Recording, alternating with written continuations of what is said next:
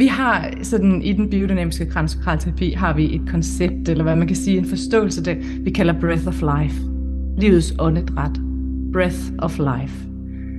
Og vi har den, den biomekaniske kraniosakralterapi arbejder, så vidt jeg ved, det er ikke den uddannelse, jeg har, men de arbejder med de her bevægelser inde i kroppen, øh, som øh, har omdrejningspunkt fra kraniets bevægelser omkring øh, ventriklerne og hele forståelsen af, øh, hvordan væskesystemet øh, arbejder ned igennem, øh, altså igennem hjerne og krop, og alt, alt muligt væv i kroppen er, er i sammenhæng gennem fysiske strukturer, og også gennem energiarbejdet i kroppen. Men, men meget fysisk er der sammenhænge mellem fascia og bindevæv, øh, sener og alt muligt, der hænger sammen. Så man kan sanse virkelig, virkelig meget, når man kan sanse ind i de her bevægelser i kroppen.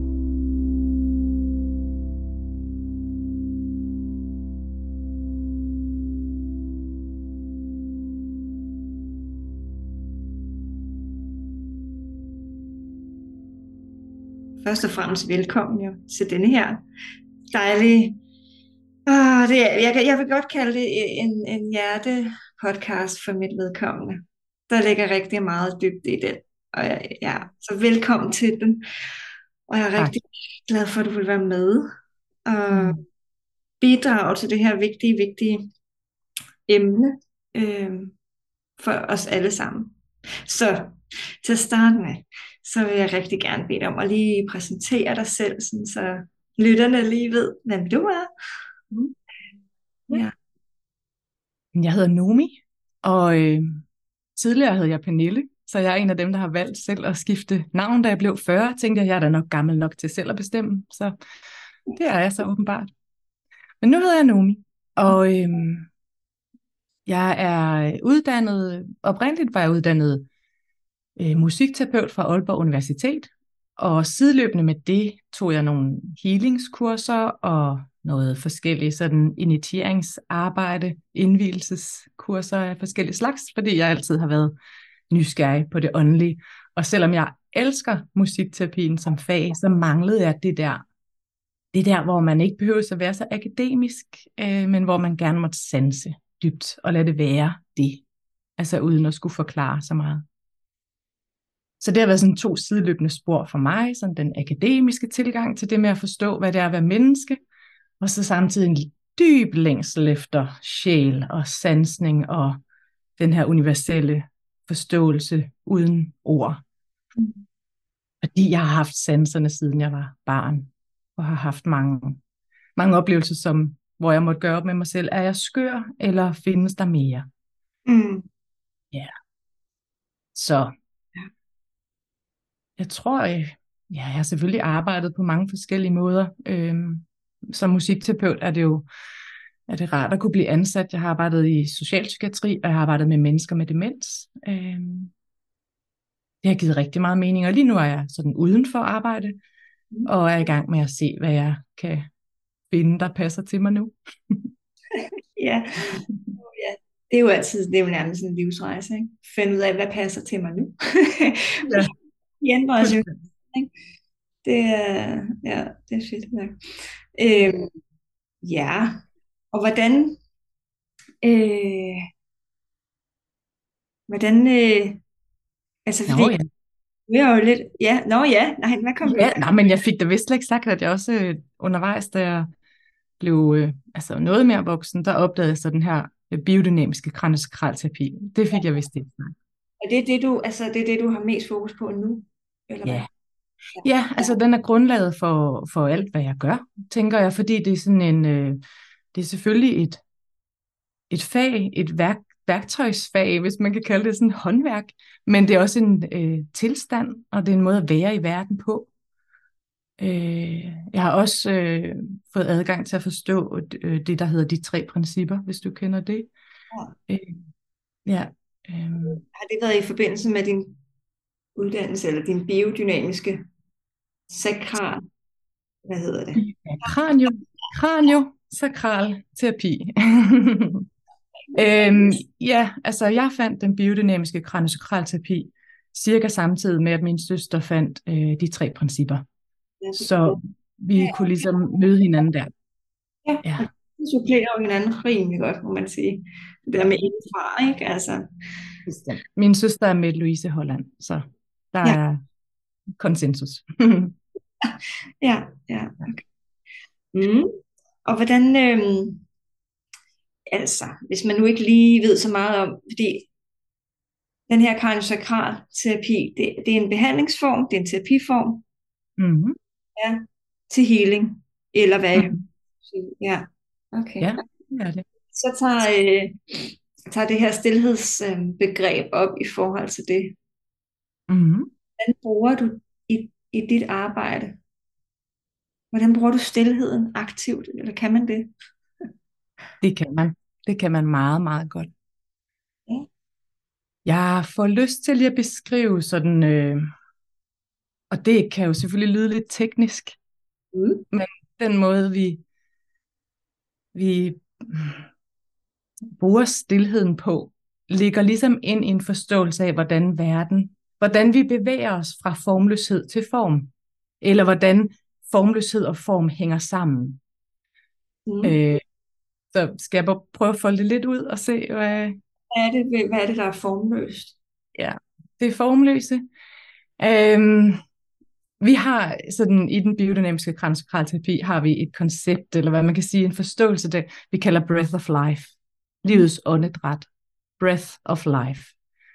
Og vi har den, den biomekaniske kraniosakralterapi arbejder, så vidt jeg ved, det er ikke den uddannelse, jeg har, men de arbejder med de her bevægelser inde i kroppen, øh, som øh, har omdrejningspunkt fra kraniets bevægelser omkring øh, ventriklerne og hele forståelsen af, øh, hvordan væskesystemet øh, arbejder ned igennem, øh, altså igennem hjerne og krop, og alt, alt muligt væv i kroppen er, er i sammenhæng gennem fysiske strukturer, og også gennem energiarbejdet i kroppen.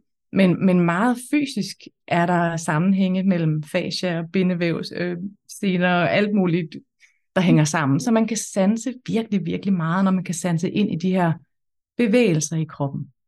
Og der kan man, øh, en biomekanisk kraniosakralterapeut er virkelig dygtig til at kende de her sammenhænge og mærke, hvornår er tiden til at løsne eller fange ind der, hvor der skal rettes noget til.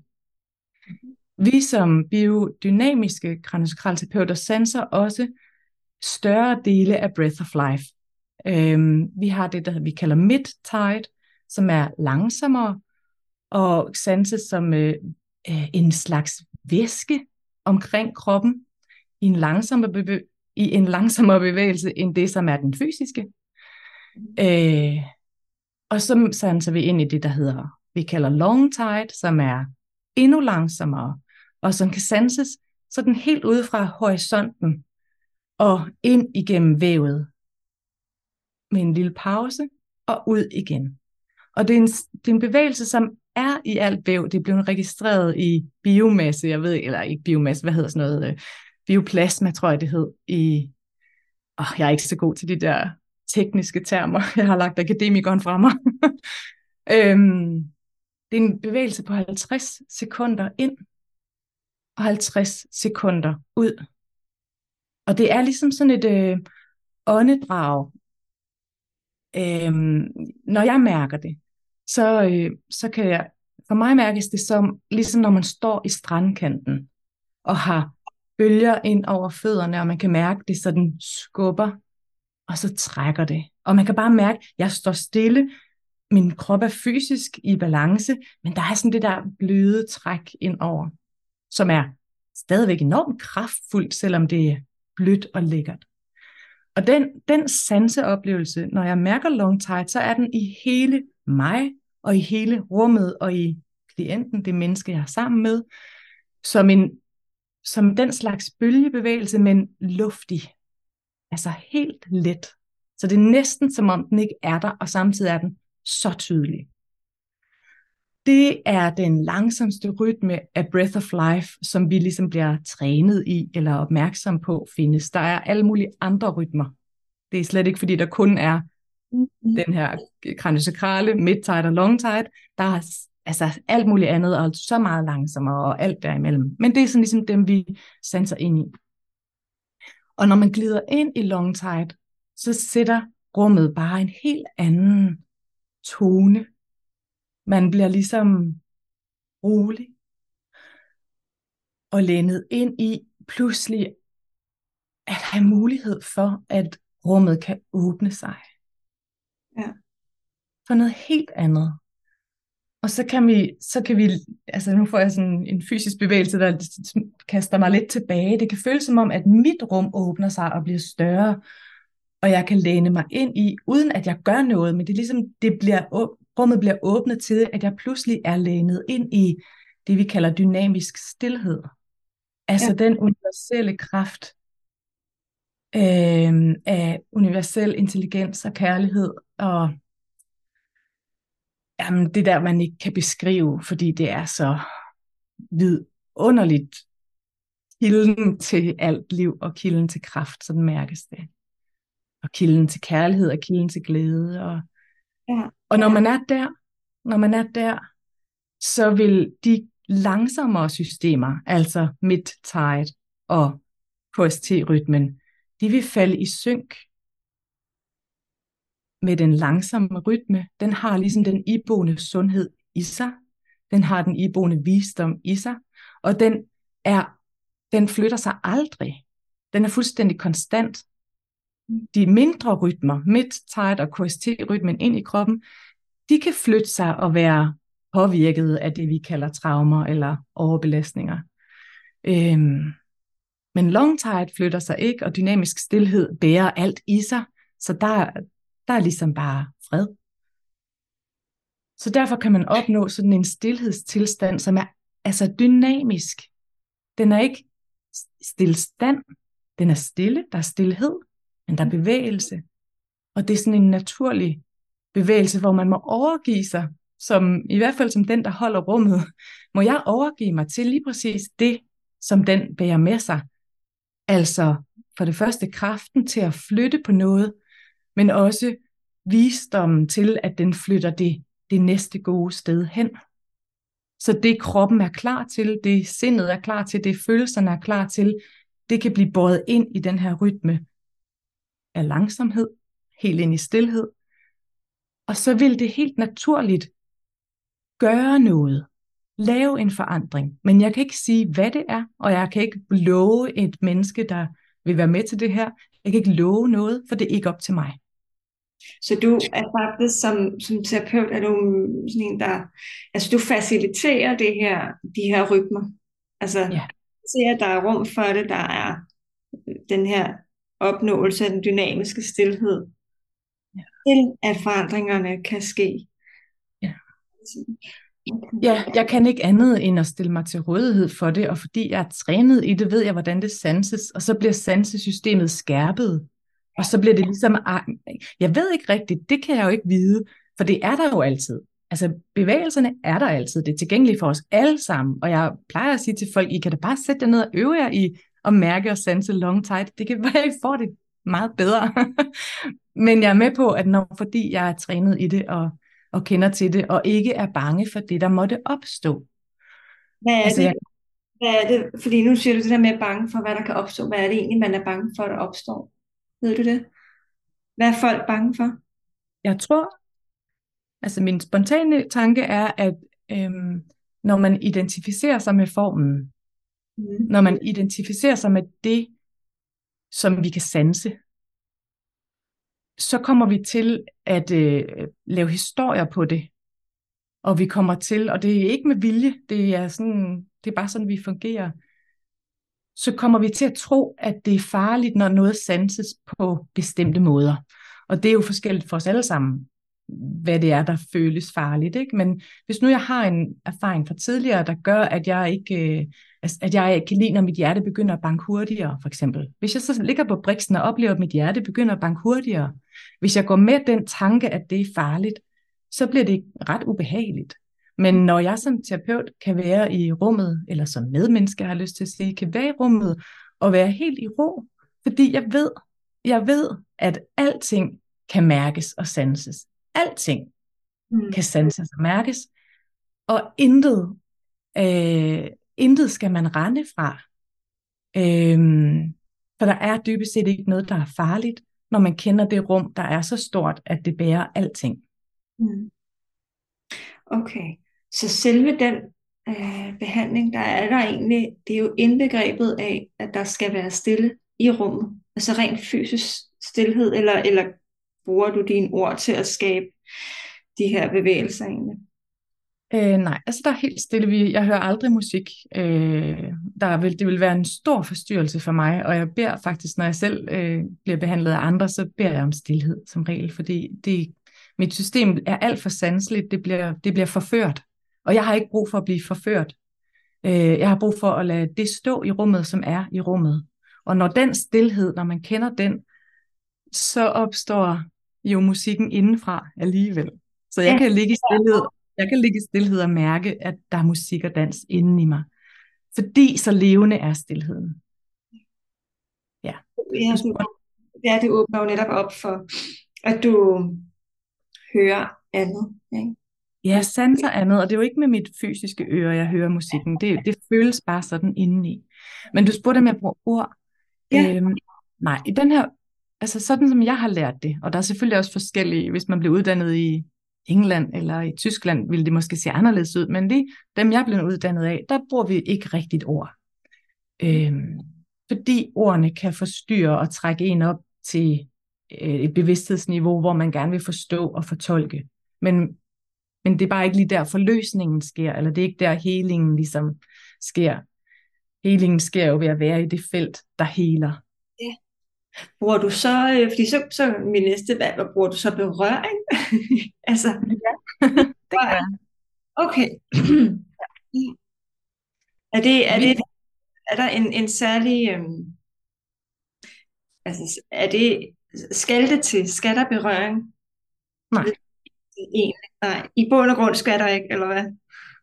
Altså det her, det, der, der er mange vinkler på det her, ikke? men vi har snakket om det på min uddannelse, og der, altså vi gør det, det er jo sådan en kropsterapeutisk tilgang, og, det, og altså jeg tænker, det er jo sådan embodiment.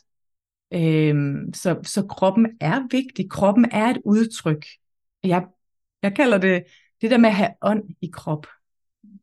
Øhm, for det handler ikke bare om at space ud, det handler også om at være i krop, imens man har space. Mm. Det er ikke om at komme ud, men det er om at komme ind. Mm. Ja, og, mærke, ja. og mærke den stillhed, at den er inde i dig. I et felt, som kan sanses udenom os. Ikke? Så det er jo det der, der er, sådan et, der er så mange modsætninger på en eller anden måde. Vi, vi er i et felt, og vi er et felt, og vi er uafhængige, men samtidig er vi sådan dybt emerged into it hjernen kan ikke rigtig forstå det. Altså, min hjerne kan ikke forstå det rigtigt, men, men jeg kan sanse det, jeg kan mærke det, og det føles så sandt. Nu kan jeg ikke huske, hvad du spurgte mig om, Karina. Det var fordi, jamen, det jo fordi, jeg jo selv øh, øh, enhed i Reiki Healing.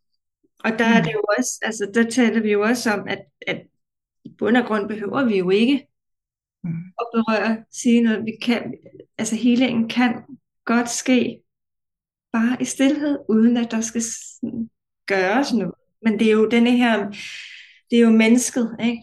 I os, altså det er menneskelig hjerne og, og fornuft, eller sådan en forståelsesramme, der gerne vil have, at okay, nu lægger jeg min hånd her, så det er det, der bliver helet-agtigt, ikke? Jo. Det er de jo, her, og for, ja. For klienten, eller for det menneske, der skal ligge og, og være der, kan det jo også være enormt betryggende at mærke, Nå, men hun er der. Jeg er ikke alene. Der er nogen. Ja. Så, så det kan også være en faktor, at det kan være rart for den anden at mærke, at man er sammen. Vi kalder det, når jeg lægger hænderne på, så, så kalder vi det porte. Ja. Altså hænderne er porte. Så, så jeg lægger hænderne på med de her 5 grams tryk, så godt jeg nu kan. men, øhm, men det bliver samtidig med, at vi ligger på for at sanse, så bliver det sådan en, en ophævning af den fysiske sans med hænderne til en sansning med hele systemet. Mm. Så mit system sanser den andens system, og kontakten mellem de her long tide, mid tide og KST-rytmen. Så hænderne er aktive, og jeg flytter dem alt efter det, der intuitivt kalder, men jeg kan sidde 20 minutter med hænderne samme sted, og stadigvæk have en fornemmelse for at sanse helheden. Og så veksler det for mig, vel, veksler det mellem, hvad det er, jeg sanser, om jeg sanser ind i noget meget form, eller altså om pludselig jeg mærker strukturer omkring hjerne, altså hjernehinder, eller bevægelserne omkring ventriklerne, eller øh, måske bliver jeg ført tilbage til, altså på et, hvor, hvor vi måske mere er på midtide, hvor det bliver nogle følelsesmæssige strukturer, eller nogle sansemæssige oplevelser af en anden karakter. Ja, vi, vi er også oplært i øh, embryologien og hele sådan forståelsen af, hvordan, hvordan øh, mennesket bliver skabt, så den skabelsesproces fysisk kan også komme op som et billedstrøm i mit hoved af, at nu er vi, nu er vi i mors mave. Øh, altså, så det er jo alt muligt, man kan åbne op til at sanse ved at bruge sit samlede sansesystem på den her måde. Okay, Ja. ja, men altså, øh, nu, men jeg tænkte faktisk, om vi lige skulle gå videre til noget, som jeg også godt kunne tænke mig, og lige få mm. lidt ud. Øh, om du havde lyst til at fortælle, hvad du har oplevet af, at støde på af, af sådan overbevisninger omkring hele det her stillhedsbegreb i din egen øh, opvækst. Mm. Ja. Ja. Ja. Det er spændende at få lidt ud. Hvor du... Ja. Altså, der er jo mange aspekter af det. Ja. Fordi sådan er det jo med alting, ikke? Men det, jeg kom til at tænke på først, det var, at øh, sådan den, den sociale stillhed. Øh, at ofte blev, var der jo lyd, når man var sammen med andre, andre mennesker. Mm. Øh, ofte blev der talt. Øh, og det var ligesom der, man mødte hinanden. Det var i sproget og, mm. og, og samtalen. Og samtidig så øh, sanser vi jo alle sammen alt muligt, der ligger bagom. Så jeg husker også, at den der stillhed, der så... Det er ligesom, der ligger altid stillhed bag alting. Så selvom der er samtale, så lå der informationer bagved. Ikke? Mm. Øh, og, og den, den stillhed, den kunne jo bære rigtig mange øh, toner. Mm. Øh, og for eksempel husker jeg de her toner af af øh, tilbageholdt vrede mm. eller angst, altså fra mennesker, jeg har været sammen med. Øh, så selvom der var samtale, så lå der jo alt det her stillhed, der bare information bagved. Og nogle gange, når der var ikke engang var samtale, og der bare lå den der i luften, så kunne stillheden være virkelig tyk. Ikke? hvor det var, hvor der blev ikke sagt noget, men det blev lagt ind i stillheden, signalerne fra hinanden. Ikke? Så den der med ja, de der oplevelser om, at, at stillheden øh, faciliterer, eller skabte sådan et rum for, at de virkelige, eller de sande følelser, faktisk fik plads til at komme, altså blive, blive sanset. Det var i hvert fald der, jeg synes, der lå den største ærlige kommunikation. Fordi det, der blev sagt, var ikke nødvendigvis ærligt. Det var, det var i hvert fald ikke fyldigt nok. Det blev understøttet af det, der lå i stillheden nedenunder. Ja. Giver det mening? det er den der inkongruens, der godt kan opstå i sådan nogle kommunikation. Bestemt, hvor, lige præcis. Hvor du netop beskriver det der med, når stillheden så får, kommer frem, eller er der, så er det, der opstår kongruens, eller, sådan, eller vi opdager måske, at der havde været noget inkongruens. Altså, ja. Og, og det kan jo skabe enormt meget usikkerhed. Især Lige præcis. Hvis man er barn i sådan et der øh, miljø, ikke? at okay, før der, der sagde, altså der, der sagde vedkommende det her, men jeg mærker noget andet, når der så er stille. Det er enormt forvirrende. Det er en rigtig god pointe, og jeg har æder med mig også, ligesom så mange andre, knoklet med at finde ud af, hvad er sandt? Ja. Nu siger du, er sande følelser. Jamen, hvad er sandt? Ja, det er det. Hvad er sandt? Fordi det, det, der bliver sagt, har jo en sandhedsværdi på sin vis. Mm. Det er i hvert fald nogle historier, som gerne vil udtrykkes. Og så bag, ligger der bag ved nogle dybere lag af sandhed. Og så, og, så, øh, og det er jo de der følelsesmæssige, hvor det kan føles ubehageligt. Jeg mærker det her, men den anden siger noget andet. Ja. Hun siger, at jeg skal være rolig, han siger, at jeg skal være rolig, men jeg er ikke rolig, for det mærkes ikke roligt. Mm. Det er ikke okay. Det tog mig virkelig lang tid at forstå, at jeg gerne bare måtte stole på min sansning, og at jeg gerne måtte bare beholde den her hjemme hos mig, uden nødvendigvis at sige til den anden, du tager fejl, du har det på en anden måde, end det du siger. For det var jo en, en virkelig svær læring, synes jeg, og ikke skulle i rette sætte andre folk til at sige det, jeg mærkede, du ved, det er lidt svært formuleret, men når jeg mærkede en ting, og de sagde noget andet, hvad skulle jeg så gøre med det? Ja. Ja. I lang, I lang tid var jeg stille, for jeg kunne ikke, altså jeg, fik jo, jeg mødte jo modstand, hvis jeg sagde, ah, kan det nu passe? Jo, jo, det er sandt, hvad jeg siger. Skal i hvert fald ikke Ja. anderledes herover. Nå, men i hvert fald så har jeg fået fred med, at jeg må gerne sanse det, jeg gør, og jeg må også gerne, jeg må også gerne ikke vide, om det er sandt. Mm. Det er jo ikke sikkert, det er sandt, det jeg sanser. Det kan være, det er bare noget, der er trigget i mig, som tilhører mig. Men så er det jo stadig netop sandt for dig. Ikke? Altså, det er jo aldrig for det, vi sanser, kan man sige. Det er så godt spottet. Lige præcis, det er sandt for mig, men jeg kan ikke vide, om det er sandt for den anden. Nej, nej, lige præcis. Det er, det er jo også noget at, at finde accept i, ikke? Og at, øh, det er også en, en ja, altså det er en, en, en evig rejse ind i at, at øh, kunne lægge det fra sig og forstå andre på alle fronter. Det behøver vi jo ikke. Nej, vi behøver det ikke, men jeg tænker, der ligger også et, et helingspotentiale i netop at tage sig selv så alvorligt, eller hvad man kan sige, og, og stå ved bare indeni. Man behøver ikke at sige det til den anden. Men jeg, jeg ser det som et helingspotentiale, både for en selv, men også for rummet, for energien i rummet. Hvis jeg står ved, at lige nu så mærker jeg en angst, og jeg tror ikke, den tilhører mig, fordi der er ikke noget for mig øh, at være angst for. Så det kan godt være, at det er en angst, der egentlig bliver signaleret til mig fra den anden. Men hvis nu jeg bare behandler det som det, jeg sanser, fordi det registreres jo i mit system, så derfor må det også tilhøre mig. Men jeg ved, jeg kan være i ro med det, for der er, det har jeg efterhånden opdaget, hvordan nogle ting fungerer, så jeg kan lave mine egne sådan, små processer med det. Og så kan det få lov til at stå og vibrere som en angst, hvis det er sådan, jeg har fortolket det, indtil det har været igennem min, mit eget indre arbejde, på den måde, jeg nu arbejder med, med mig selv. Og så finder det hvile, og så finder det hvile i, ikke kun i mig, men også i rummet, og måske, hvad ved jeg, finder det også hvile i den anden. Så det der med at tage den hjem, det har været gavnligt for mig at opdage. Mm. Ja, men der kan jo også altså netop rigtig meget, øh, der kan ligge rigtig meget smerte og, og behov for healing, når, i det du beskriver med at, at sanse nogle følelser, som man er lidt, øh, netop lidt, lidt usikker på, er det min angst, eller er det den anden, eller den tredje? mm. Hvis angst er det her, det, det er jo også, øh, altså det tager langt at øve sig i. Ja, måske er det lige meget. Mm.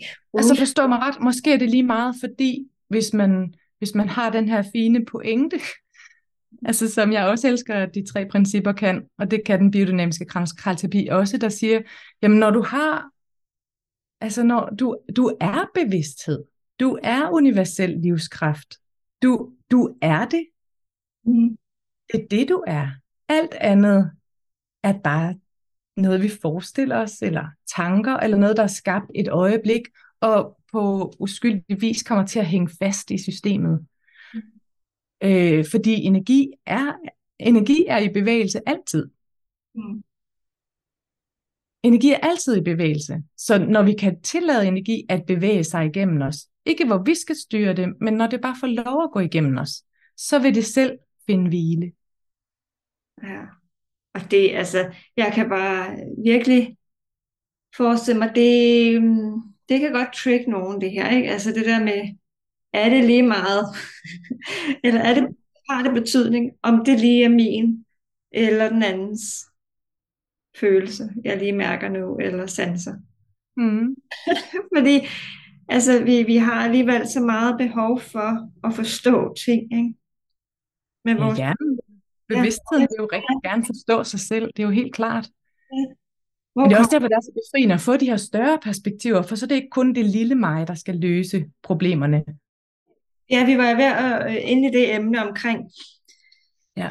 det her med kongruens og inkongruens, og, og, og hvorvidt det overhovedet er, øh, altså er det overhovedet nødvendigt at bruge energi på at finde ud af, hvis følelse er det, jeg lige sanser nu. Ja, Det er lidt, det er lidt provokerende i det for sindet og hjernen. Ja. ja, og der er jo også nogen, der ikke er enige med mig i den her måde at se det på. Så det er jo ikke, fordi jeg siger, at jeg har den eneste sandhed. Det er bare sådan, det fungerer for mig. ja, ja. Det er fordi, men det er også fordi, jeg har sådan noget med, jeg har altid haft det sådan med, når folk siger, at man skal beskytte sig, altså med energiarbejde og det med at holde ting adskilt, det har altid undret mig. Og jeg har, jeg har altid tænkt, "Men jeg vil ikke gå i en verden, hvor jeg skal beskytte mig. Ja. For så er der noget, der er farligt. Altså noget, jeg skal beskytte mig fra, og sådan vil jeg ikke have det. Så min rejse har også været sådan en rejse på at finde ud af, hvordan er det så, jeg kan være i verden, hvis den verden så skal opfattes på en anden måde, Mhm. i stedet for at man skal føle, at man skal beskytte sig. Hvad er det så, når der ikke er noget? Kan der være noget, der ikke er der? Men okay, Karina, nu får du lige... Ja, den er, den er, ja, det er godt nok en, en lidt anden øh, vej, ikke? Altså, Men det er fordi, og nu bliver jeg lige... Nu Ja. tager jeg ordet igen, Karina. det kommer lidt an på, tænker jeg, nu når jeg sådan mærker efter, det kommer an på, hvad det er, vi har af, af oplevelser op igennem vores liv, er jeg ret sikker på. Det tror jeg også på. Ja, hvorvidt vi har et, et behov for, for netop den der beskyttelse af, det her, det er mit, og jeg vælger selv, hvem det er, der skal igennem det her, øh, den her energiboble, jeg nu lige har skabt for mig selv. Ikke? Fordi bare det, det gør, at man føler sig, i hvert fald når jeg gør det, jeg, jeg føler mig mere øh, au, autentisk, faktisk. Ikke? Det giver god mening, og det er jo også så fint, at man kender sig. Ja, For det er jo også noget med at kende sig. Man, man, kan, man kan måske heller ikke gøre det, jeg synes, jeg gør, Mm. med mindre man kender sig. Jeg ved, jeg ved det ikke. Jeg, jeg kan jo kun være mig, så jeg ved ikke, hvordan andre er. det er jo en fed, det er, det er, en- det er en rigtig, øh, faktisk meget sjældent, jeg møder nogen, der, der har den øh, en, altså, tilgang, som du har, det der med, Nå, jamen, hvorfor er det overhovedet så vigtigt at finde ud af, om det er mit eller dit eller dens? altså, det har jeg faktisk ikke mødt.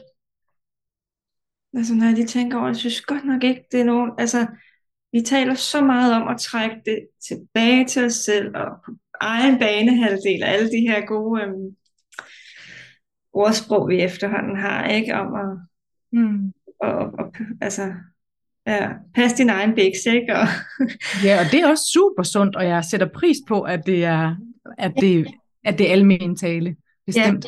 Ja, ja, ja, vi skal så ikke gå og blande os, men, men ja, det ligger Men- lidt ind, at, at så, så skal vi jo også tage stilling til, hvad jeg mærker og føler og sanser.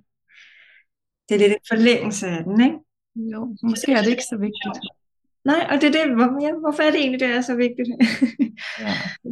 Vores hjerne vil jo gerne forstå det, men, men jeg får lyst til at sige, fordi du sagde det med, at man har, hvad man har oplevet i sin barndom, kan jo være med til at gøre, hvordan man reagerer, øh, og det, det er jeg helt med på.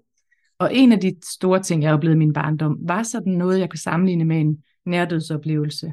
Mm. øh, sådan en ud af kroppen oplevelse, eller en kundalini-rejsning, eller hvad man nu vil kalde det, hvor jeg har været altså skolebarn, øh, 3. 4. klasse, tror jeg, hvor jeg, øh, hvor jeg øh, en af mine klassekammerater øh, mistede sin mor til kræft, og det var meget voldsomt for, altså, jeg ved ikke, hvordan det var for hende, men, men for mig, som var vidne til det, og, og jeg bilder mig jo ikke ind, at jeg på nogen måde kan sammenligne mig med hendes oplevelse, slet ikke. Men det, det gjorde ved mig, var bare, at det gav mig sådan en eksistentiel nedtur. Mm. Hvad fanden, undskyld mig, bare klip det ud, hvis det er, men hvad handler livet om, Mm. hvis man kan dø? Hvis en mor kan dø? Altså, det, det, min, jeg ikke sige sådan en eksistentiel krise, børnekrise. Hvad handler det her om? Hvis man er og bare kan dø, det giver ingen mening. Altså, ingen mening. Jeg gik ud på landevejen derude i den lille landsby, hvor jeg boede, og det var aften, og jeg gik alene, og der var fred og stille, og jeg havde bare de der kværnene inde i hovedet og inde i mit system. Hvad? Altså, jeg kan jo lige så godt selv dø. Det var sådan en, jeg kan lige så godt, så kan jeg lige så godt bare lægge mig ned nu og give op. Det var virkelig sådan, jeg havde brændt den virkelig hård gammel var, hvor gammel var du der? Jamen, jeg, jeg tror, jeg har gået i 3. 4. klasse. Jeg, jeg husker det som 9 år, men jeg, jeg ved det ikke. Ja. Men det, der så skete, mens jeg gik i den krise, øhm, så blev jeg skudt ud, min energikrop blev skudt ud af min fysiske krop. Og min fysiske krop blev bare ved med at gå. Mm. Jeg, det, det kunne jeg først sanse bagefter, da jeg kom tilbage, men, men fordi min, hele min bevidsthedsfelt gik ud af min fysiske krop og blev ligesom sådan magnetisk trukket op, sådan føltes det til noget, som jeg bedst kan beskrive som altså den her universelle, det universelle rum mm. af formløshed, kærlighed, intelligens. Og jeg landede i sådan en, en dyb følelse af fred. Og det var, det var ligesom at stå i en stjernehimmel. Og se, der var fuldstændig mørkt, og samtidig var alting gennemsigtigt eller lysende klart. Og der var stjerner, som viste sig at være bevidstheder, sådan føles det, som mm. jeg kunne hilse på, sådan bare træde øjekontaktagtigt hilse øh, på lysårs afstand. ja, det er jo fuldstændig begrebsløst, den oplevelse, men det er den måde, jeg bedst sådan kan fortolke ja. det på. Ja. Og, og den fred, den, det var som om hele rummet, hele den himmel af universel, et eller andet lækkert, vibrerede af den her dynamiske stillhed, som jeg fandt igen i den biodynamiske kranosakralterapi. Mm. Det var virkelig ligesom, at alting fandtes, og alting gav mening, og liv og død var ophævet fuldstændigt som begreber. Det gav ingen mening at tænke i liv og død. Der var ikke noget, der var ikke nogen ende, og der var ikke nogen begyndelse. Og det var bare kærligt og vist og lækkert og trygt. Og så fik jeg sådan en oplevelse af, at der var en af de her bevidstheder, der sådan pludselig var meget tæt på mig, og så den nikkede og, og signalerede til mig, tro bare på den oplevelse. Ja. Det, det er sandt. Det er sådan. Ja. Og så, whoop, så var jeg nede igen, tilbage i krop og videre ned i jord. Og det er klart, den har sat sig som sådan et, hvad søren? Hvad er forskellen mellem himmel og jord? Ja. Hvordan kan jeg få himmel og jord til at hænge sammen? Hvordan? Det deroppe, der vil jeg gerne være. Den her fysiske jord, den er ikke særlig sjov. Men jeg er her, så det må jeg finde ud af. Ja. Ej, det var, og der var du ni år, ikke? Så mm. tænker jeg, okay, hvordan fik du, øh, altså, havde du nogen i dit liv, som forstod dig, altså forstod den del af dig, altså de, de typer oplevelser der. Havde du en voksen, der kunne, der var der? Nej. Nej, det mindes jeg ikke. Hvor gjorde du så af det? Altså, hvor gjorde du af denne her oplevelse? Jeg gik bare med den selv. Okay. Og jeg bliver også rørt, når du spørger så direkte, for det har også været, altså det har været, det har været min kilde til befrielse, men det har også været min kilde til frustration, og det har også været min kilde til depression. Fordi i al den stund, hvor det ikke kan rummes, i al den stund, hvor min hjerne prøvede at forstå det, og i al den stund, hvor jeg gerne bare ville være et almindeligt menneske, som bare hele tiden var drevet af noget andet også. Ja. Det har været frustrerende. Ja. Så da jeg fandt den biodynamiske kransokralterapi, og da jeg fattede, hvad de tre principper var, så var jeg bare, altså, så var, så var jeg i himlen. Så var himmel på jorden. Det er det nu. Og det er så været 30 år efter? Ja. Men det er bare vildt, ikke? Hvad med tid? Ja. Så, altså tidsperspektivet der, ikke? Ja. Der er jo åbenbart en grund til, at, øh, at du skulle opleve det der som 9-årig, og så leve et liv altså med, med, den, med den oplevelse. Ja, og det tror jeg, vi er mange, der gør på forskellige vis. Og det med, at jeg får lov til at fortælle min historie, jeg synes, det er meget upersonligt efterhånden. Jeg har haft meget personlighed holdt på det, fordi det har været vigtigt for mig at holde fast i, at, at det var vildt. For det var vildt. Men, men jeg har, har fået det sådan nu, hvor jeg har fået lov til at fortælle min historie nogle gange, og hvor jeg har mød, er blevet mødt i det. så kan jeg jo se, jamen min historie er bare en blandt mange. Du har garanteret også gået rundt og har haft på din måde det samme, det samme spænd mellem det der ønskede om at få himmel på jorden. Mm. Alle os frustrerede, øh, kærlige alternative, men også alle mulige andre almindelige mennesker. Undskyld, almindelige. Vi er alle sammen almindelige, men folk, der ikke er interesseret i det her. Mm. Jeg, jeg tror, mange har en længsel, en længsel, som man ikke kan sætte ord på. Jeg har så haft et helt konkret billede, jeg kan sætte ord på og sige, jeg vil der tilbage. Mm. Men det, folk, der kommer tilbage fra sådan en nærdødsoplevelse, har det jo også. Der er jo ikke noget at være bange for. Mm. Der er ikke noget at være bange for, for alt er godt. Men hvordan får man det givet videre? Hvordan får man det fortalt? Eller hvordan, hvad kan man bruge det til? Ikke? Jo, det er det der med igen at ja, få det gjort ned til, til at vores menneske øh, kan forstå det. Ikke? Ja.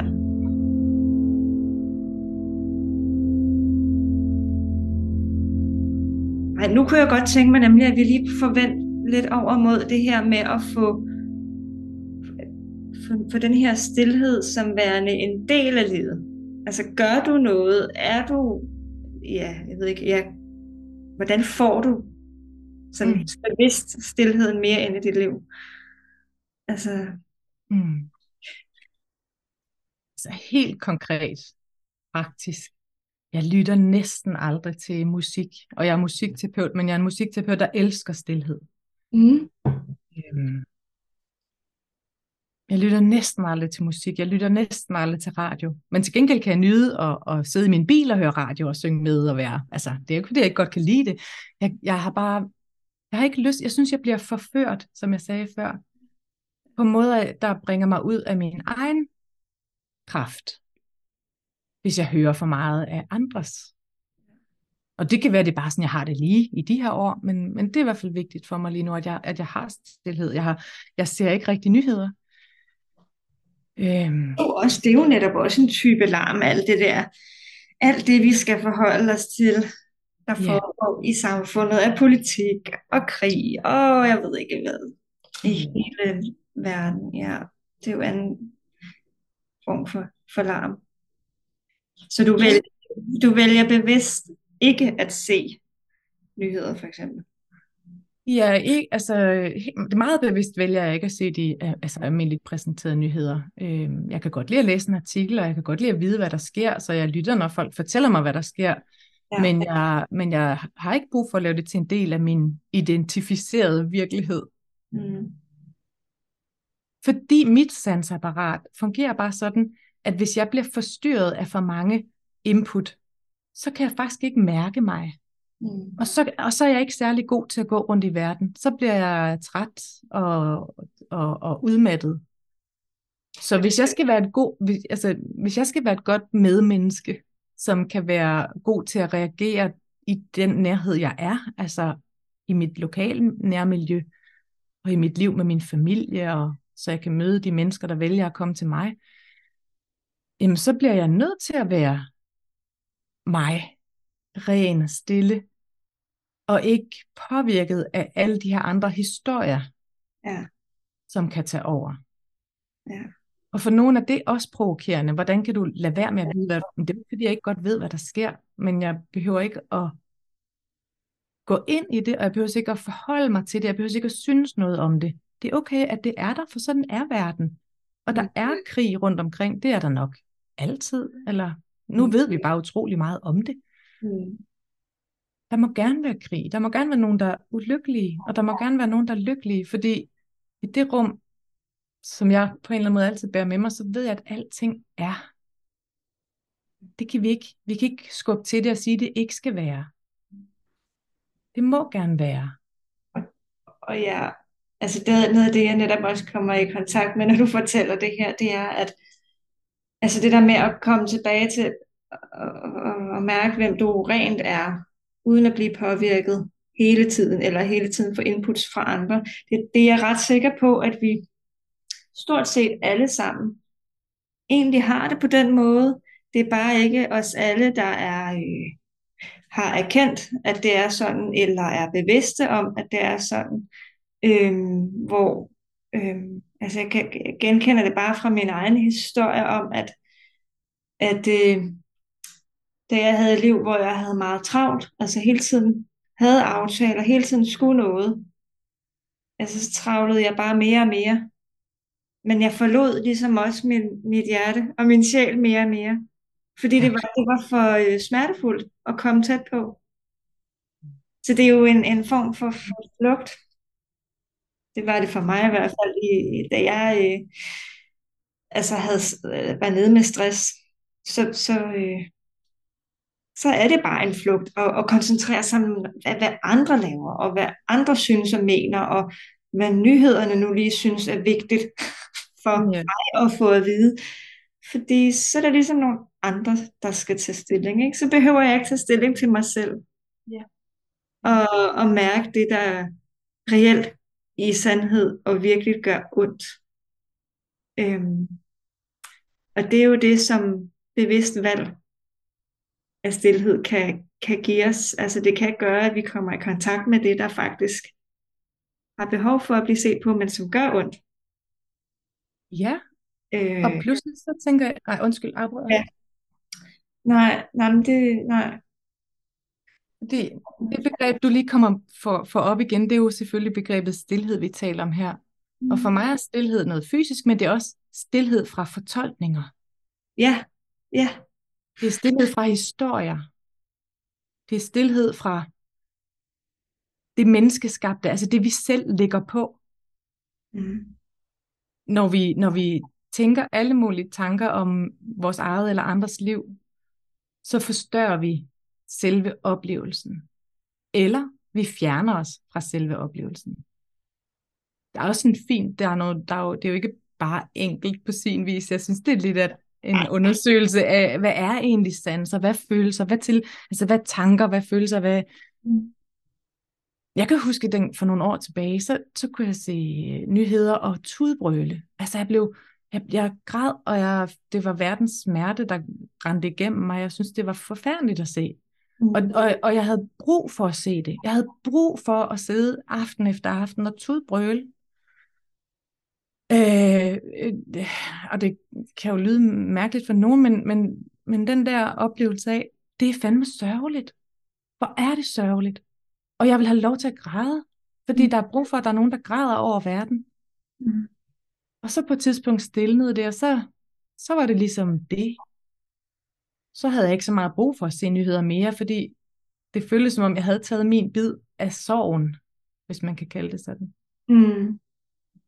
Og siden har jeg ikke haft ret meget lyst til at sådan følge med, fordi det ved, jeg ved, det findes, og det er der, og, og jeg, vi har alle sammen sorg i vores liv. Hvis det er det, vi har brug for at mærke, så skal vi nok mærke det. Og Ja. så skal vi lade det, så, når det får lov at komme igennem, så, så, lis- så lindrer det, fordi den universelle helhed, det er min fortolkning af det, eller det er også det, jeg lærte ind i, men det er også min fortolkning af det. Jamen, den universelle stillhed lander tingene, lander energien, når energien er klar til at blive landet ind i det større felt. Mm. Ja. Overgivelsen, overgivelsen væk fra historierne, men ind i sansningen, der bærer livet med sig. Det er svært at sætte ord på, men Ej, det er der, der er mange gode ord. Så, så i forlængelse af det, ikke? hvad er det så, hvis du hmm, kunne sætte nogle ord på, hvad, hvad den her, det her bevidste valg om at opsøge stillheden i din hverdag, hvad, hvad giver det dig af gaver? hmm,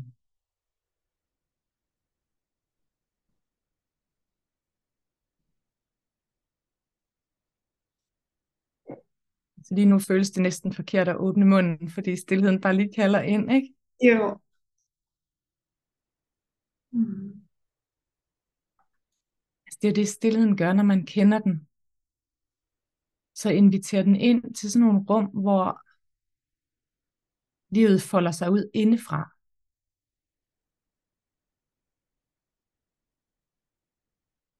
Og hvor det er lige meget, hvad jeg siger til dig lige nu, fordi det er bare en konstruktion. Altså det er virkelig, vi er, her, vi er derinde, hvor, hvor stillheden igennem mig er livet, der render. Altså det er livskraften, der får lov til at mærkes igennem mig. Og der hvor skaberkraften bare fuldstændig naturligt risler som en lille stille å og tager det hele med, som det skal. Eller ikke skal, men som det gør, fordi sådan er naturens egen orden.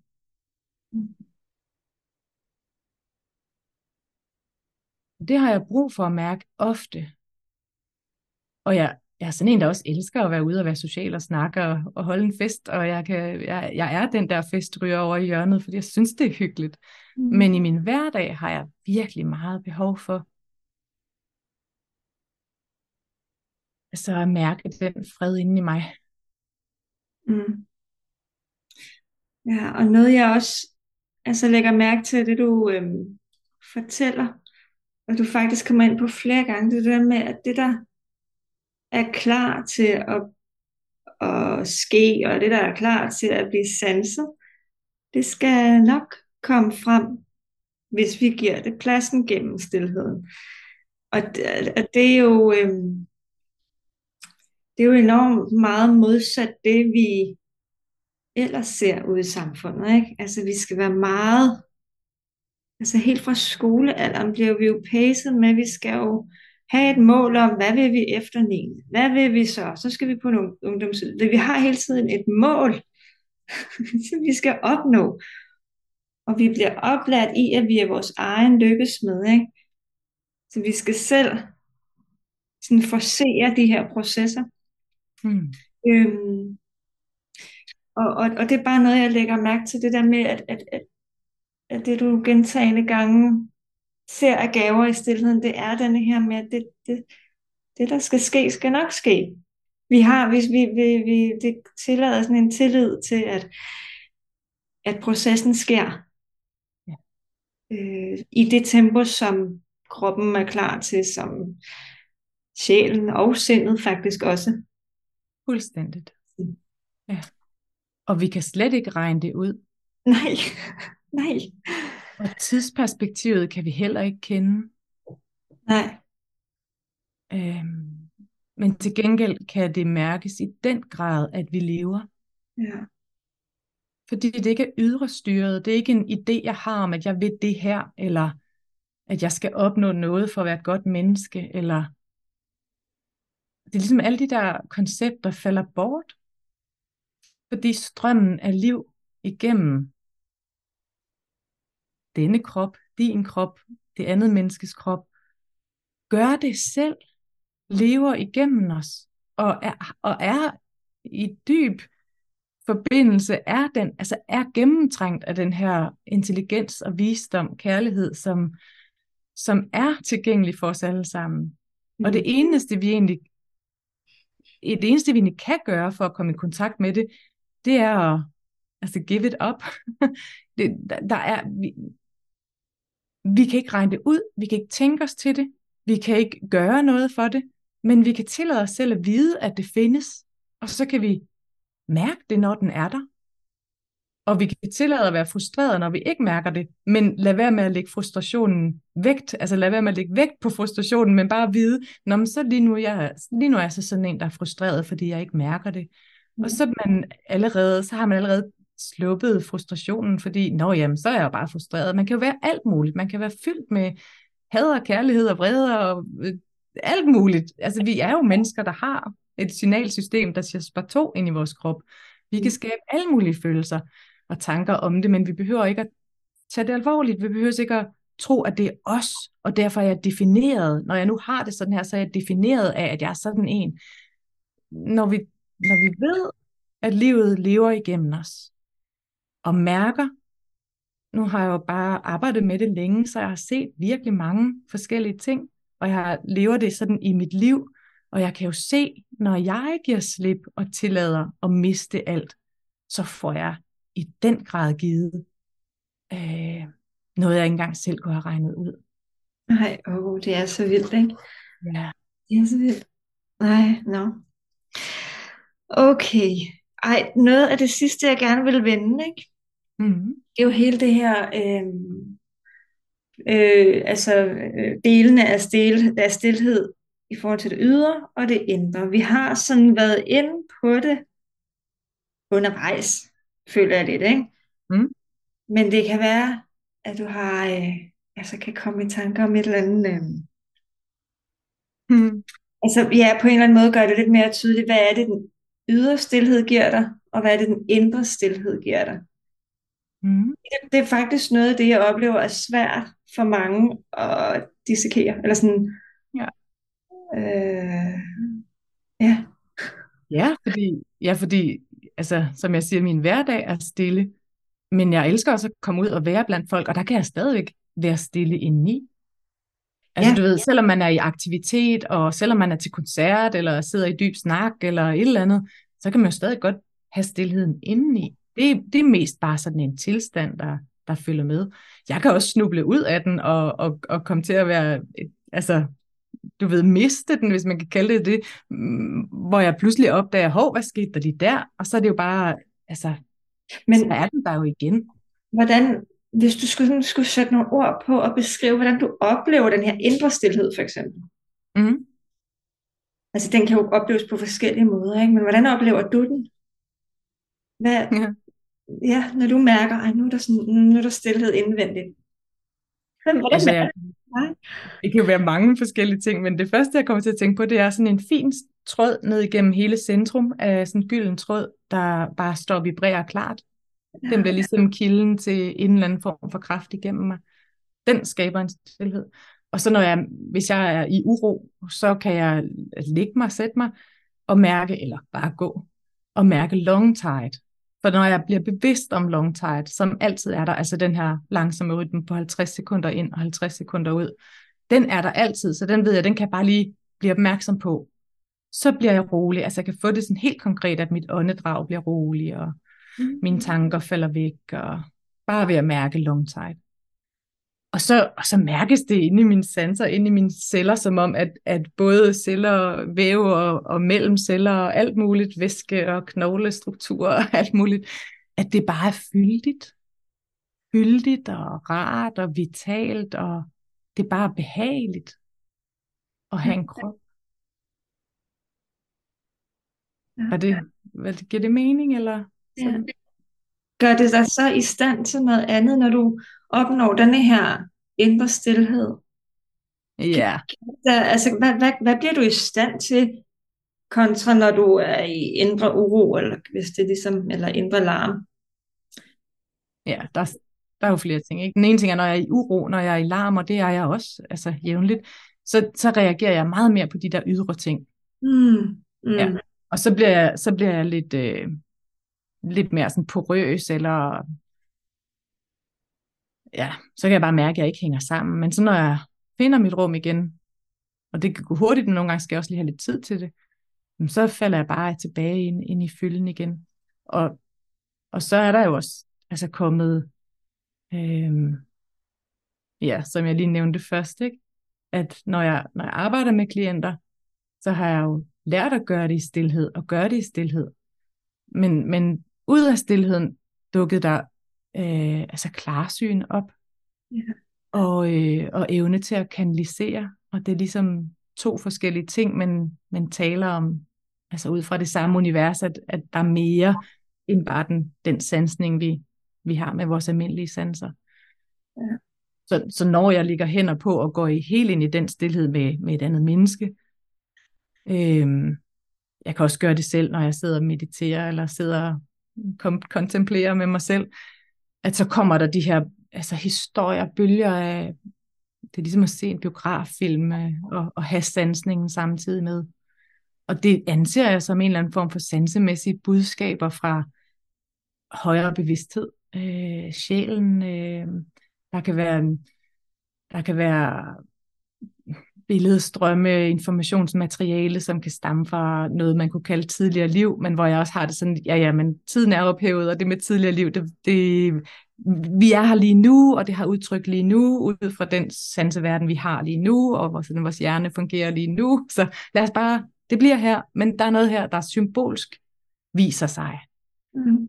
Øh, og det kan have sådan en, en helende effekt at få ord. Øh, jeg, jeg har ikke selv afgjort, øh, du ved, hvad er bedst? At arbejde i stillhed, eller have klarsynet og ordene med? Eller lave, når det så bliver til en ren kanalisering, så føles det for mig som om, jeg bliver åbnet, bum, og indtræder en anden kraft, og min egen bevidsthed træder tilbage, så den ligger om bag min rygsøjle nærmest. Og så er der simpelthen noget andet, der taler igennem mig. Og det har en helt anden vibration, frekvens med sig af altså dyb kærlighed. Og forud for det, så ligger der, at du har brug for, at der bliver gjort plads i den her stillhed, for at det her med klarsyn og kanalisering, at det kan få plads. Er det sådan, jeg hører det? Ja, altså jeg vil sige, det er opstået af stillheden. Ja, det er opstået. Men, men nu er jeg så trænet i det, så det kommer bare. Altså, jeg, jeg går ind i feltet, og så er det der. Ja, på den måde. Hvad så, fordi mm, når du sådan, øh, altså, beskriver det her med, når, det, når du oplever, er inde i den der meget indre larm, så bliver du meget påvirket af de ydre omstændigheder, eller ydre øh, sansninger og sådan noget. Ja. Hvordan, i, hvordan i forhold til sådan, ageren i samspil med andre mennesker i relationer, oftest er det jo vores nærmeste relationer, der især mærker, når vi havner i den indre larm, eller har fundet ind til den indre stillhed. Altså det er dem, der oftest først mærker forskellen. Hvordan, hvordan har du oplevelser i det? Allerførst vil jeg sige, at det ikke sjovt, der lige var en sirene bagved, nu hvor du snakker om larm. ja. Og jeg håber, jeg håber, man kunne høre mig sige noget alligevel. ja, ja, ja jamen, jeg tænker bare symbolet i, at når man taler om larm og sirener og du ved, kaos. Jo, jo, det var, det var ikke tydeligt på, på lyden. Mm. Jamen, øh, så jeg har, jeg har to børn. Øhm, jeg plejer at sige til dem, øhm, I behøver ikke at lytte til mig lige nu, jeg, jeg er træt. Og I ved, jeg er ikke en særlig god mor, når jeg er træt. Mm. Fordi jeg kan mærke det på mig selv, så bliver jeg bare lidt mere hissig og, og skubber lidt mere væk og, og får lyst til at mundhugges og få ret. Jeg, jeg kan godt lide at have ret. Ja. Det, er sådan, det, er ikke, det er ikke noget, jeg er stolt af. Altså, det er ikke noget, jeg synes, der er et kønt karaktertræk, men jeg kan godt lide at have ret. og den, den karaktertræk kommer frem, når du, når du, når du det bare lidt for uroligt indvendigt. Ja, så glemmer jeg at lytte. Så glemmer jeg at se helheden. Fordi så skal jeg bare lige overleve. Ja. Og når jeg skal overleve, så skal jeg have ret, fordi så skal jeg have kontrol og styr på det. Så skal jeg vide, hvad der foregår, og de skal gøre, som jeg siger, for ellers kan jeg ikke være med. og det er, jo, det er jo bare ikke ligesom der, man, man løser tingene. Det er ligesom ikke der, det er rart at være, og det er ikke der, man finder fælles fodslag. Så vi er gode herhjemme til bare at gå hver til sit, hvis det er bedst, at vi gør det. Sig det. Sig det, som det er. Ja. Det er ikke lige der, man skal tage de store diskussioner i hvert fald. Så der hører jeg egentlig også, der er en sammenhæng mellem... Hmm, okay, altså fordi det her med kontrol.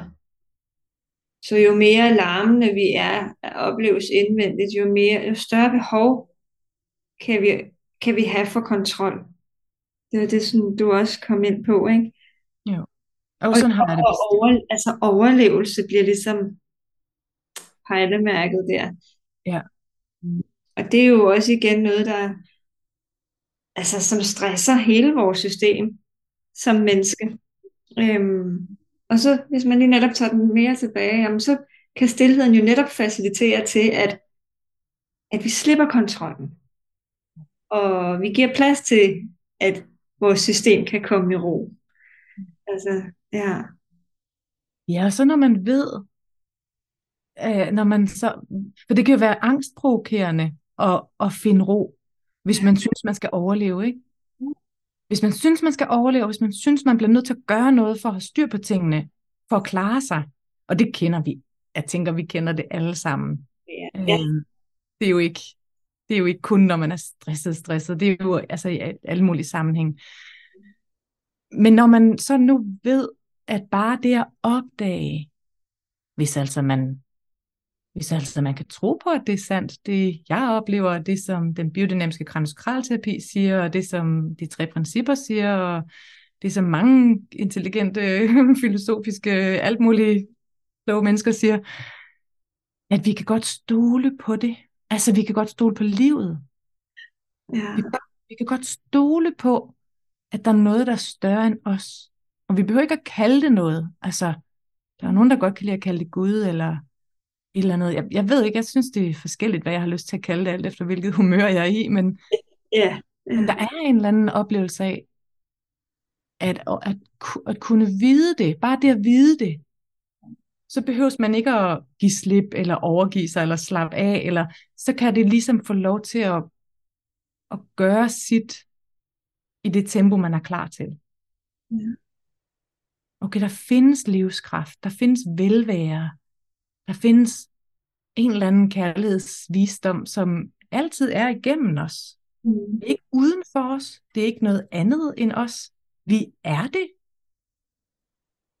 Ja, ej, ja, og nu du siger det der, ikke, så kommer jeg også i tanke om, jeg har sådan, når jeg øh, altså guider folk til healing, og, og de er et sted i deres liv, hvor de ikke kan mærke håb, for eksempel, for at de kan få det bedre. Mm. Øh, så bruger jeg netop også en helt konkret øvelse i, prøv at forestille dig den, det her stykke håb, du har det i hænderne, den har en eller anden farve, grøn eller et eller andet, ikke?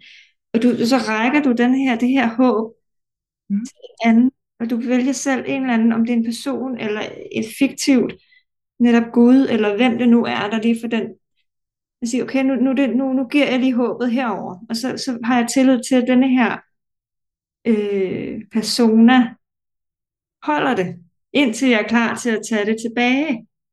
Og, fordi det er også den der proces i at, øh, at lægge den her kontrol fra sig, eller sådan trangen til at kontrollere det hele. Ja. Så kan vi jo faktisk godt med flere ting, altså det er jo ikke lige nødvendigvis håb, men så er det måske mm, kærlighed til sig selv, man lige bliver nødt til for en stund lige at have en anden, der holder. Fordi det bliver for overvældende. Det giver super fin mening, og jeg vil putte et lag mere på, hvis, hvis Ja. det er. Ja. Fordi jeg er så, øh, jeg er sådan en, der har haft brug for at gøre det helt ind til benet og sige, men jeg har ikke noget håb lige nu. Mm. Jeg har ikke noget håb. Alting bare er. Og hvis jeg dør nu, hvis alting går i stykker lige nu, så er det sådan, det er. Og i den erkendelse, at der ikke er noget at kæmpe for, eller noget at tragte efter, men at det er okay, hvis jeg skal dø. Det er okay, hvis jeg går i stykker. Det er okay, hvis jeg mister alt. Så sker der sådan en udvidelse i mig og af rummet, der bare står vibrerende klart og bærer sig selv. Ja. Og i det er jeg bare en lille, altså en lille bid af den her store bevidstheds visdoms et eller andet, som ikke behøver at være noget. Giver det mening? Ah, ja, jo, jo, jo, og, sådan, og, noget, og det, det giver mening, og er lidt skræmmende også. Altså, fordi den der med, som du siger, "Nå, men nu- det er okay, at, at jeg ikke har noget håb nu. Altså, livet, livet lever ret godt videre, Ja, uden, det er det uden, fordi livet fungerer uden nogen som helst konstruktioner. At jeg synes, jeg bliver nødt til at have håb, det er også en holden fast. Jeg må have tillid til noget. Jeg må tro på noget, for der er noget, der er farligt. Nej, hvad nu hvis der ikke rigtig er noget, der er farligt? Ja, det værste, der kan ske, hvad er det, at vi kan dø, eller... Men, men øh, Men det er jo også, det ikke er farligt at dø, så... Jeg ved godt, det kan provokere nogen, men, men det, det er så vildt, så stille, det rum kan blive.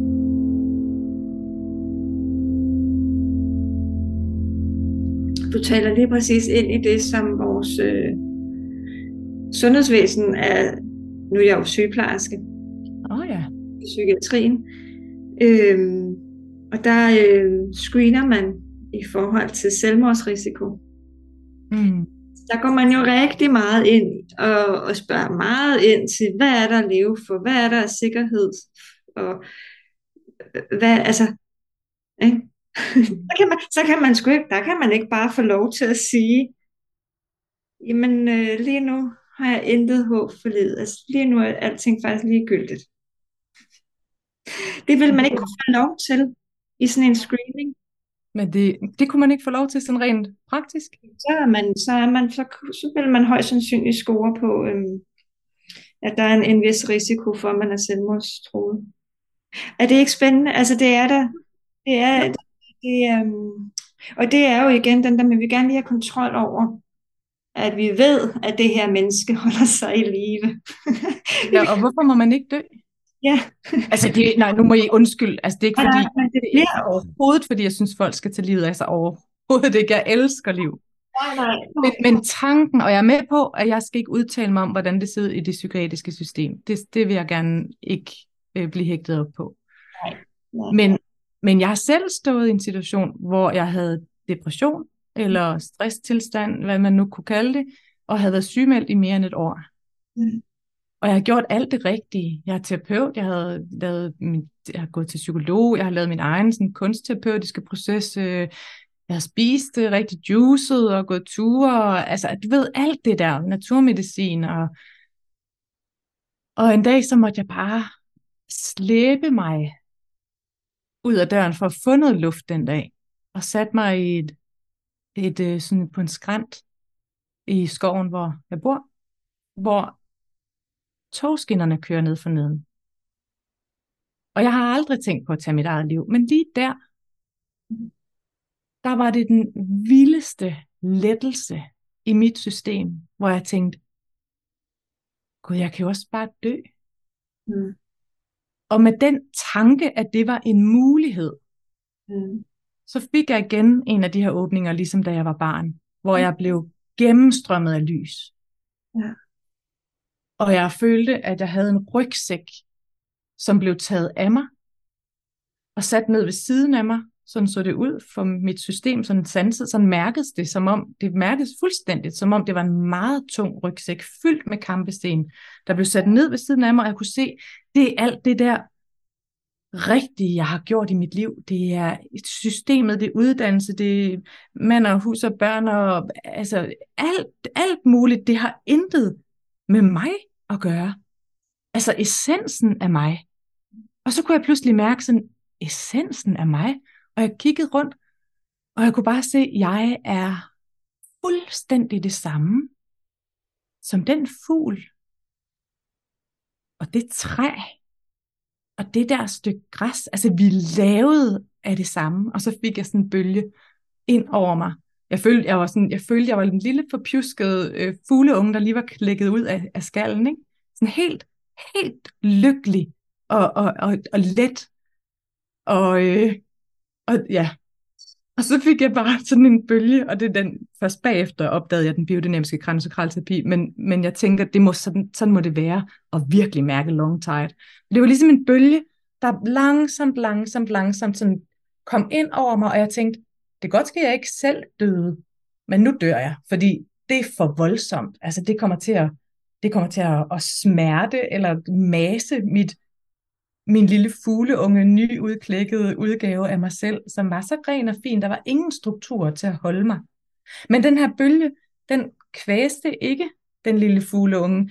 Den gik igennem og vitaliserede. Og jeg kunne bare mærke, at jeg var så levende bagefter.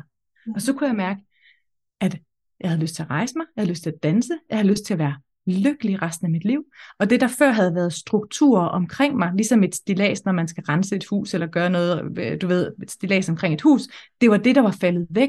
Og, og det var det, der gjorde, at jeg følte mig som en fugleunge, der ikke rigtig kunne noget, men til gengæld blev jeg vitaliseret og fik oplevelsen af at have opretholdelseskraft indefra. Så det var noget helt, det var ligesom det stilas udenpå, det var bare kommet ind i mig. Eller det var ikke engang et stilas, men det var en kraftfuldhed, der lå inde i mig der. Og jeg vidste bare fra det øjeblik, jeg bliver, jeg bliver ikke i stand til at kunne arbejde ud fra succeskriterier, som man gør i det normale samfund. For hvis bare jeg kan få lov til at være glad, så vil jeg ikke andet.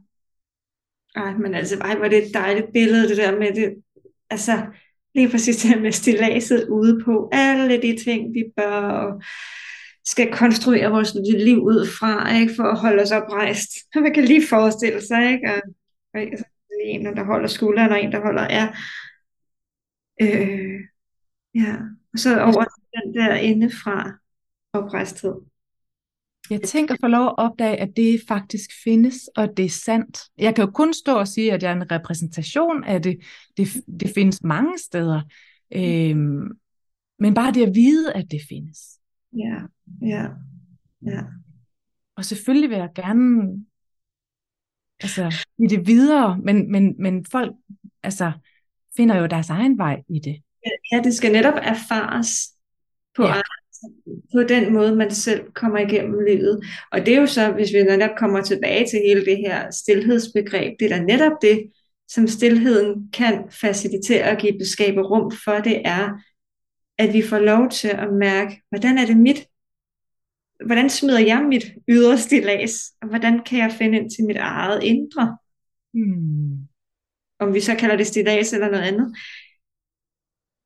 Altså vi kan ikke, vi kan, jeg, jeg tror faktisk, det er enormt svært at finde sin indre øh, stilas frem. Oprejsthed. Mm. Hvis vi ikke på en måde lige tage afstand, om ikke andet, fra al den larm, der foregår udenfra. Ellers så, ellers så kunne det godt være ligegyldigt, om man puttede begreber på, om det var svært eller let. Ja. Fordi, fordi de tre principper er jo virkelig gode til at sætte ord på.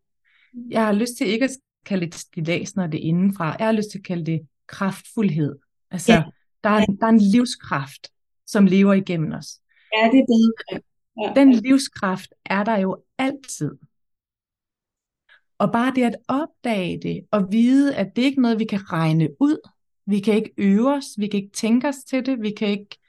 Men vi kan vide, at det findes, og så kan vi lade det folde sig ud, sådan efter, efter det tempo, vi nu hver især har. Men at sanse at ture og sanse ind i det, der visker. Ikke det, der larmer, men det, der visker.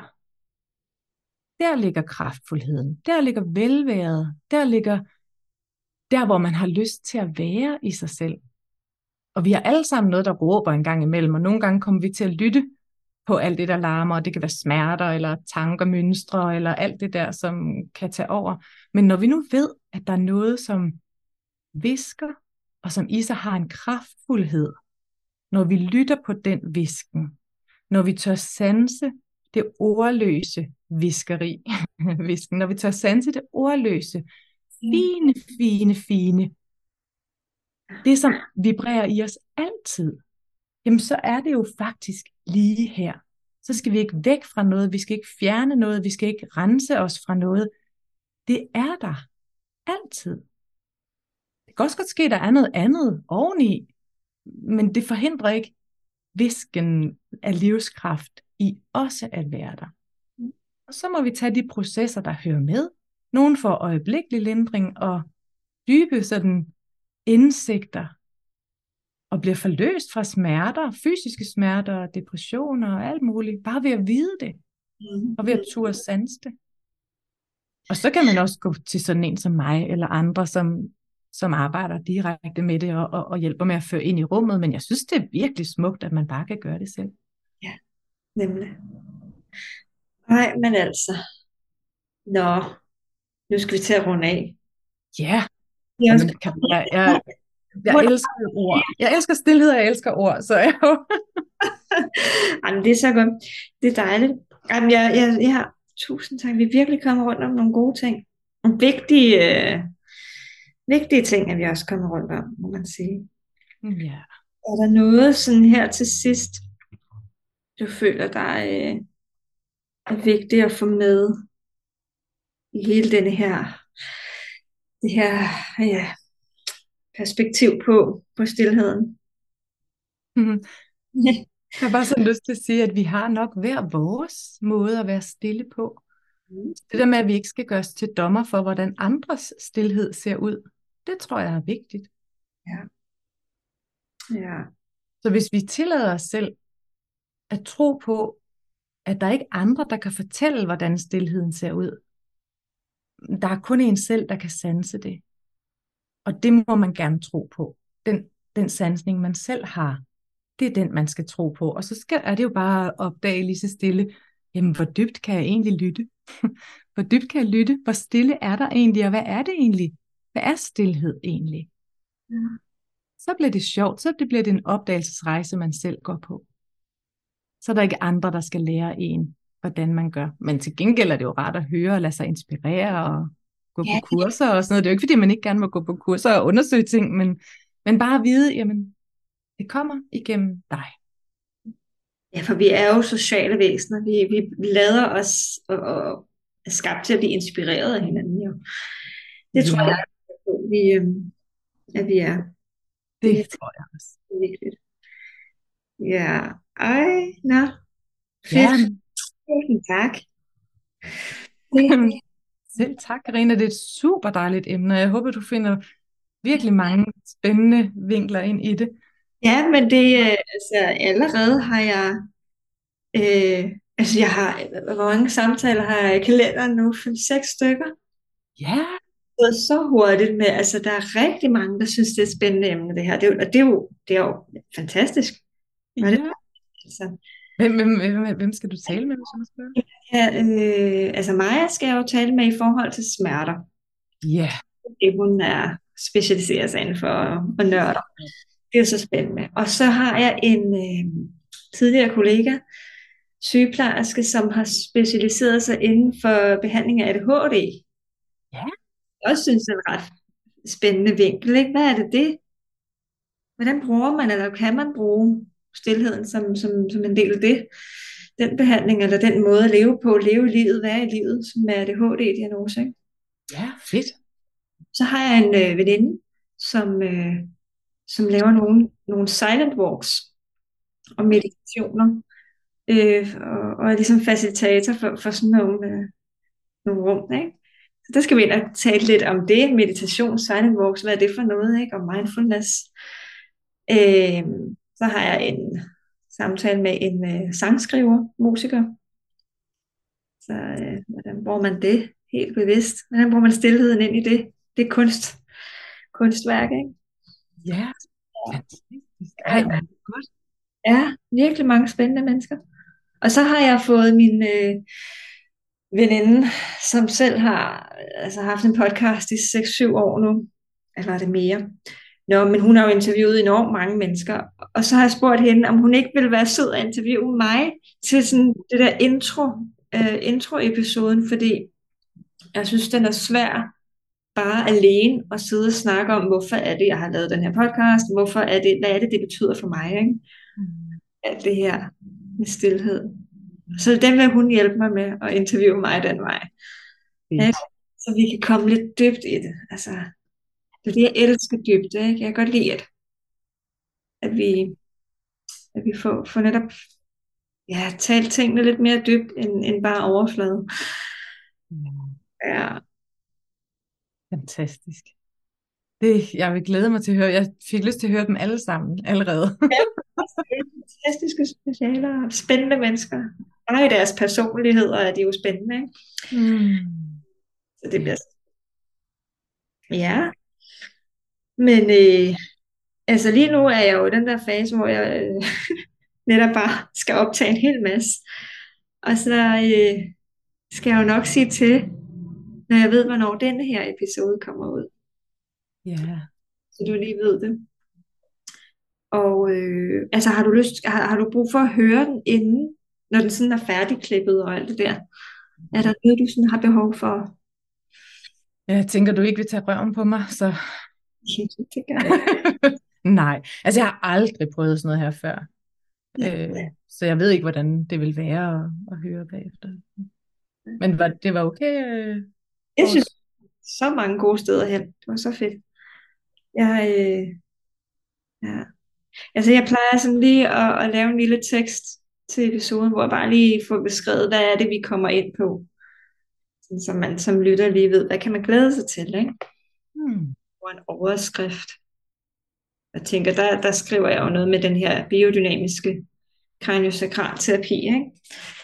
Så, så ved man.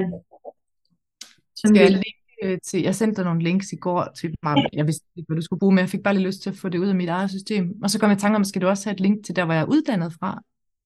Jamen, altså, nej, det er egentlig meget op til dig. Hvad er det for nogle links, du gerne vil have af folk, de, hvis de gerne vil, de bliver nysgerrige på dig efter den her episode, hvor kan de finde dig henne? Og Ja. det, det er ofte det, øh, folk de gerne vil. Det er sådan, nej, det var da en spændende menneske. Hende vil jeg gerne lige følge på et eller andet socialt medie, eller Ja. sådan. Ja, Jeg sender, nogen. Jeg sender, jeg sender altså også lige uddannelses... Øh, fordi jeg synes, det vil jeg godt ære, altså til den biodynamiske uddannelses hjemmeside. ja, meget gerne. Så laver jeg bare lige det nede i bunden, og her kan du finde Nomi, hvis du vil vide mere om hende, eller i kontakt med hende, så er der links der, ikke? Det er så fint. Mm. Ja. Jeg har ikke helt gjort op med mig selv endnu, øh, hvor meget intro-outro jeg vil lave. Øh, ja, Hmm. det er, sådan, det er sådan den måde, jeg bygger, bygger det op i hvert fald. Øh, ja, Jeg tænker, jeg stoler på dig, og bare, jeg synes bare, jeg, jeg synes bare, det var sjovt at få lov at fortælle på en eller anden måde, ikke? jo, det var, jo, det var så godt. Jeg synes virkelig, kom mange spændende steder hen. Det var så fedt. Ja, det er fedt, som det kan folde sig ud. Ja. Dejligt. Men ellers så øh, har vi jo, kan vi jo bare skrives ved, ikke, hvis der er noget, der dukker op og, og sådan. Så lever du af at være hvileterapeut, var det det, du kaldte det? Jeg er, jeg blev uddannet i december, og er sådan, lige nu er jeg et sted, hvor jeg prøver at finde ud af, hvem er det egentlig, jeg gerne vil hjælpe. Ikke? Jeg tog det Mm. meget for min egen skyld, og, sådan, og øh, har haft sådan et par enkelte klienter. Hmm. Jeg kan mærke, at jeg vil virkelig gerne have det til at leve mere, Hmm. og kan mærke, at jeg kan virkelig hjælpe i forhold til især stress, Ja. eller tidligere stress, eller sådan, ja, Mm. personer, der har, har tendens til at bange for at, at havne i stress igen, ikke? Hmm. Men, men det, det, det er jeg ikke i gang med at finde ud af at undersøge. og- Ja. Men ellers så, ja, så er jeg deltidssygeplejerske. Ja. Så, hospice, var det du sagde? nej, jeg på, lige nu er jeg i psykiatrien. Nå, psykiatrien, nå ja. Ja, det er rigtigt. Ja, ja. Så, Er du glad for det?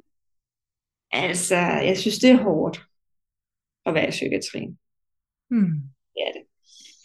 Så må vi se, om øh, det kan godt være, at mine veje går lidt nogen andre, et andet speciale. Hmm. Så også fordi, jeg gerne vil have, jeg vil gerne have energien til at bygge mit eget op, ikke? Altså, så, så, så kræver det, at jeg ikke bliver altså helt energiforladt hver gang, at jeg har været på, på, på job, ikke? Jeg vil Ja, gerne selv med kan Ja, jeg godt genkende, det der. ja. Jeg, jeg, er- jeg er jo også mellem jobs lige nu, og så skal jeg jo søge de her, jeg er på dagpenge, og så har jeg hobbyvirksomheden ved siden af. Men jeg skal jo søge de der jobs. Øhm, så når der står, er du øh, omstillingsparat, og øh, vil du være med til at gøre dagen i dag bedre end i går? Og, og du ved, jeg er sådan lidt, nej, Nå, det, synes jeg, det synes jeg egentlig ikke lige, jeg er. Jeg har ikke lyst til at gøre dagen i dag bedre end i går, for jeg synes, i går var så fin en dag, så hvis nu vi bare lige hviler i nuet, kan det være fint? Jo, jo, og den der, trives du en travl hverdag? Nej, overhovedet ikke. ja. Men altså, ja, ja. Altså, det er lige det der med, ikke også? Ja, som du netop også kender. Finde balancen i, og gerne vil bygge sit eget op til at Ja. kunne blive større, ikke? Og, ja. Jeg tror heldigvis, at den der, jeg ved jo ikke, hvad der er godt for mig at vælge. Altså du ved, jeg kan ikke regne det ud heller. Jeg har sådan en tillid til, at jeg søger de der job, som lyder interessante nok. Og så kan det være, at der er et lille sted, hvor jeg kommer til at have det godt. Og det kan jeg ikke vide, hvad for et sted det er. Så det må vise sig. Man kan gøre den research, man nu kan. Ja. Jeg gør meget ud af at, at tage på besøg, altså sådan uformelt, bare til en kop kaffe, fordi så kan jeg mærke, Ja. jeg kan bedre mærke personerne. Så Ah. inden jeg, inden jeg overhovedet sender en ansøgning, og inden jeg overhovedet ved, om de har et job, så Så tager du det ud uformelt og bare banker på og siger, må jeg lige kigge ind? så ringer jeg bare og hører om, altså, hvornår kan jeg komme forbi til en kop kaffe? Jeg vil gerne sige hej til jer. ja. ja. Så, så, så ved jeg på forhånd, at Så har jeg mærket efter, Ja. om det er nogen, jeg gider at arbejde med og hos. Og for.